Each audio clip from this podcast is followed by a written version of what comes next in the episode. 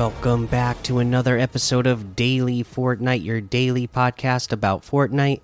I'm your host, Mikey, aka Mike Daddy, aka Magnificent Mikey. Today, we can finally get to the Fortnite Creative version 21.10 update Rideable Wildlife and Hired Guards.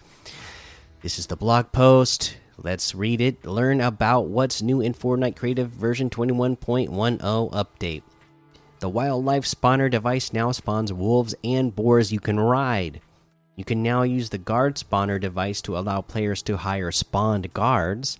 Use the new item placer device to place to place weapons and consumables on props or building pieces. Other additions, bugs and fixes.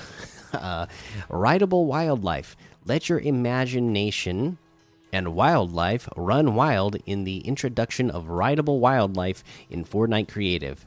Death run on the back of a wolf, anyone? In the wildlife spawners customized panel, set the riding option to enabled to allow players to ride wolves or boars from that wildlife spawner to be rideable in your game. Hired guards. You can now make guards hireable in game. Hired guards will be on the same team as the player follow them around, and attack opponents on site. You can also customize the name of four hired guards to add to their personality. In the guard spawner devices customized panel, set the can be hired option to yes, and spawn guards can be hired by players in your game. Now, I'm curious if anybody's played it creative yet. I want to know can you hire more than one hired guard at a time in creative, or uh, can one player only hire one at a time? I'd be very interested to know. Item placer device. Ever wanted to place a weapon or keycard in a less obvious way? Then the item placer device is for you. Just drop any weapon or consumable into the item placer to place the weapon or consumable on a table, or to mount the weapon consumable to a wall. With customizable interaction text and the ability to determine whether or not the placed item drops to the ground, the item placer will add a new level of immersion to your islands. That sounds really cool. And that sounds like a really cool thing that they could add to Battle Royale. Can you imagine just like walking into a house and not only finding weapons as floor loot, but you know, you know, if there were certain houses that maybe had like a special weapon mounted up somewhere that you could walk up and grab, or sometimes you could just go into a house and consumables would be like hanging on the wall or something that you could just grab and not something that you just had to grab from the floor loot. That'd be pretty cool. Other additions and changes uh, the weapon updates. They added the grapple glove to creative, they added the hammer assault rifle, they added two shot shotgun, they added the designated marksman rifle. Um, and then they got some prefab and gallery updates. They added a new cube and flat car to primitive shapes gallery A and B, added new wood, brick, concrete, and marble materials to primitive shapes gallery B. They added a diamond, rhombus, quadrangle, and trapezoid to the glass prop gallery. They updated the glass materials with visual improvements, more vibrant colors, and new frosted and ethereal or ethereal materials. Note if you like the previous clear glass option, select ethereal as it has the same clear glass appearance. They added a lotus flower and floating lotus flower to the festival gallery. They added nine modular mountain and rock galleries that support building and are indestructible. Um, they device updates. They added new physics and tree boulder options, added new mantling options in the team settings and inventory device, as well as in the class designer device, allowing for mantling in high gravity. They removed the instance limit for creature placer and guard spawner per island. Previously, this was set to maximum of 20 per island. The total AI spawn limit is not affected by this change. They have a bunch of prefab and gallery fixes, and a bunch of device fixes, and general island fixes. So there you go. There is your Fortnite Creative update for version 21.10. Let's go ahead.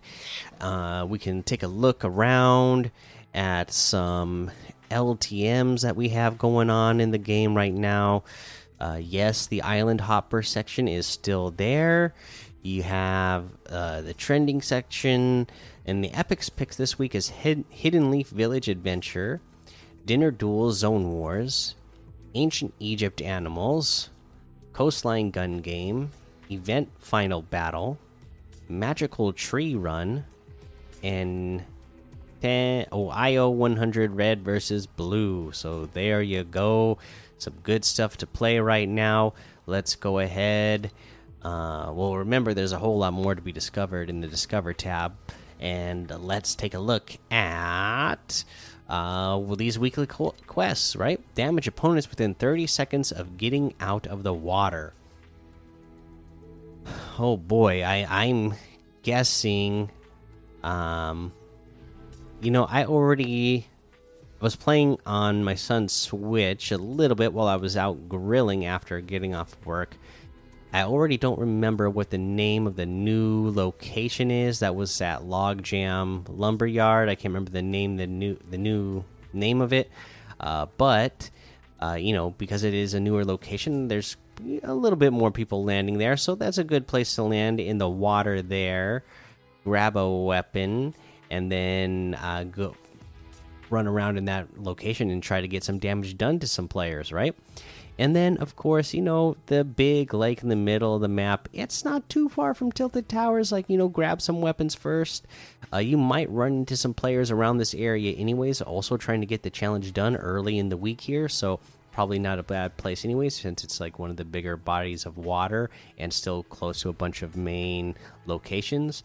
Uh, but if you don't find anybody right away, you could then swim down to Tilted Towers and try to run in there and find somebody to damage real quick. Uh, you know, and of course, I mean, you know what I'm going to say, right? Team Rumble always try to get these type of challenges done in Team Rumble if you're having a real hard time. Oh, oh of course, uh, Sleepy Sound. Don't forget Sleepy Sound. That's always been a good spot to get uh, damage done. Uh, you know, with it being the water being right in the middle of the POI, so you'll have plenty of options there to uh, be able to get in the water and jump out real quick to get some damage done when you see a player. All right, there's a challenge ship. Let's head on over to that item shop and see what we got going on in the item shop today. Looks like we're still going to be getting a bunch of Naruto items. Uh, we have our Spider Man Zero stuff. All of the Naruto stuff is still here. And then we have the Assault Trooper outfit for 800. Criterion outfit with the Stabilizer backbling for 2000. Krabby emote for 500 very sneaky emote for 500. The no sweat emote for 500. Jazz hands emote for 200. We get the dream outfit with the shattered wing backbling for 1200. Luminous outfit with the lunar light backbling for 1500. Astral axe harvesting tool for 1200. Shard break wrap for 500.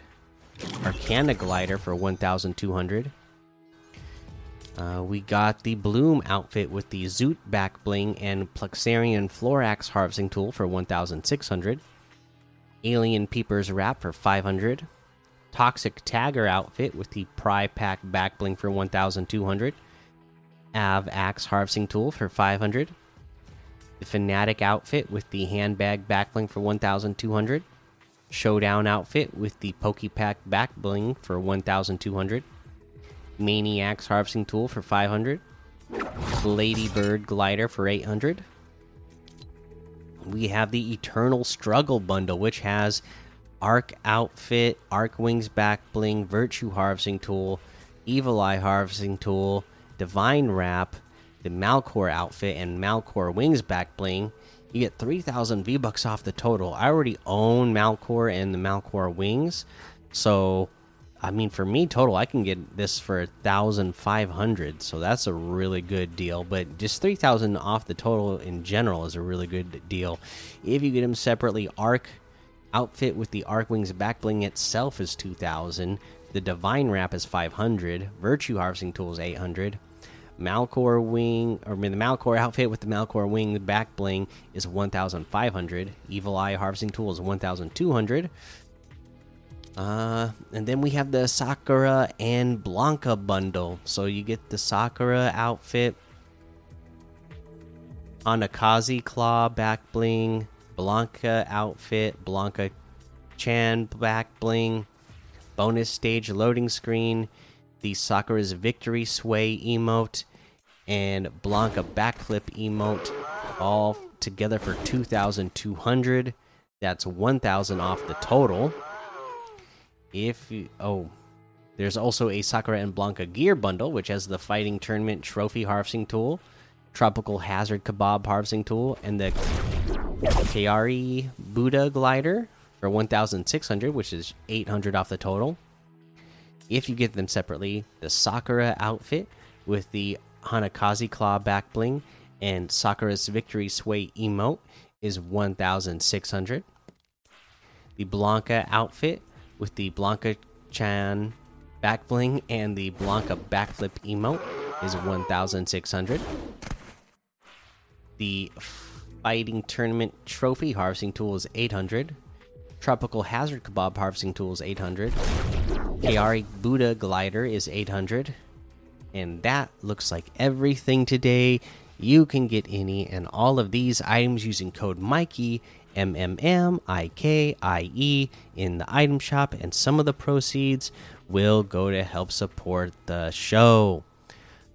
All right, that is going to be the episode for today. Make sure you go join the daily Fortnite Discord and hang out with us. Follow me over on Twitch, Twitter, and YouTube. Head over to Apple Podcasts, leave a five star rating and a written review for a shout out on the show. Make sure you subscribe so you don't miss an episode. And until next time, have fun, be safe, and don't get lost in the storm.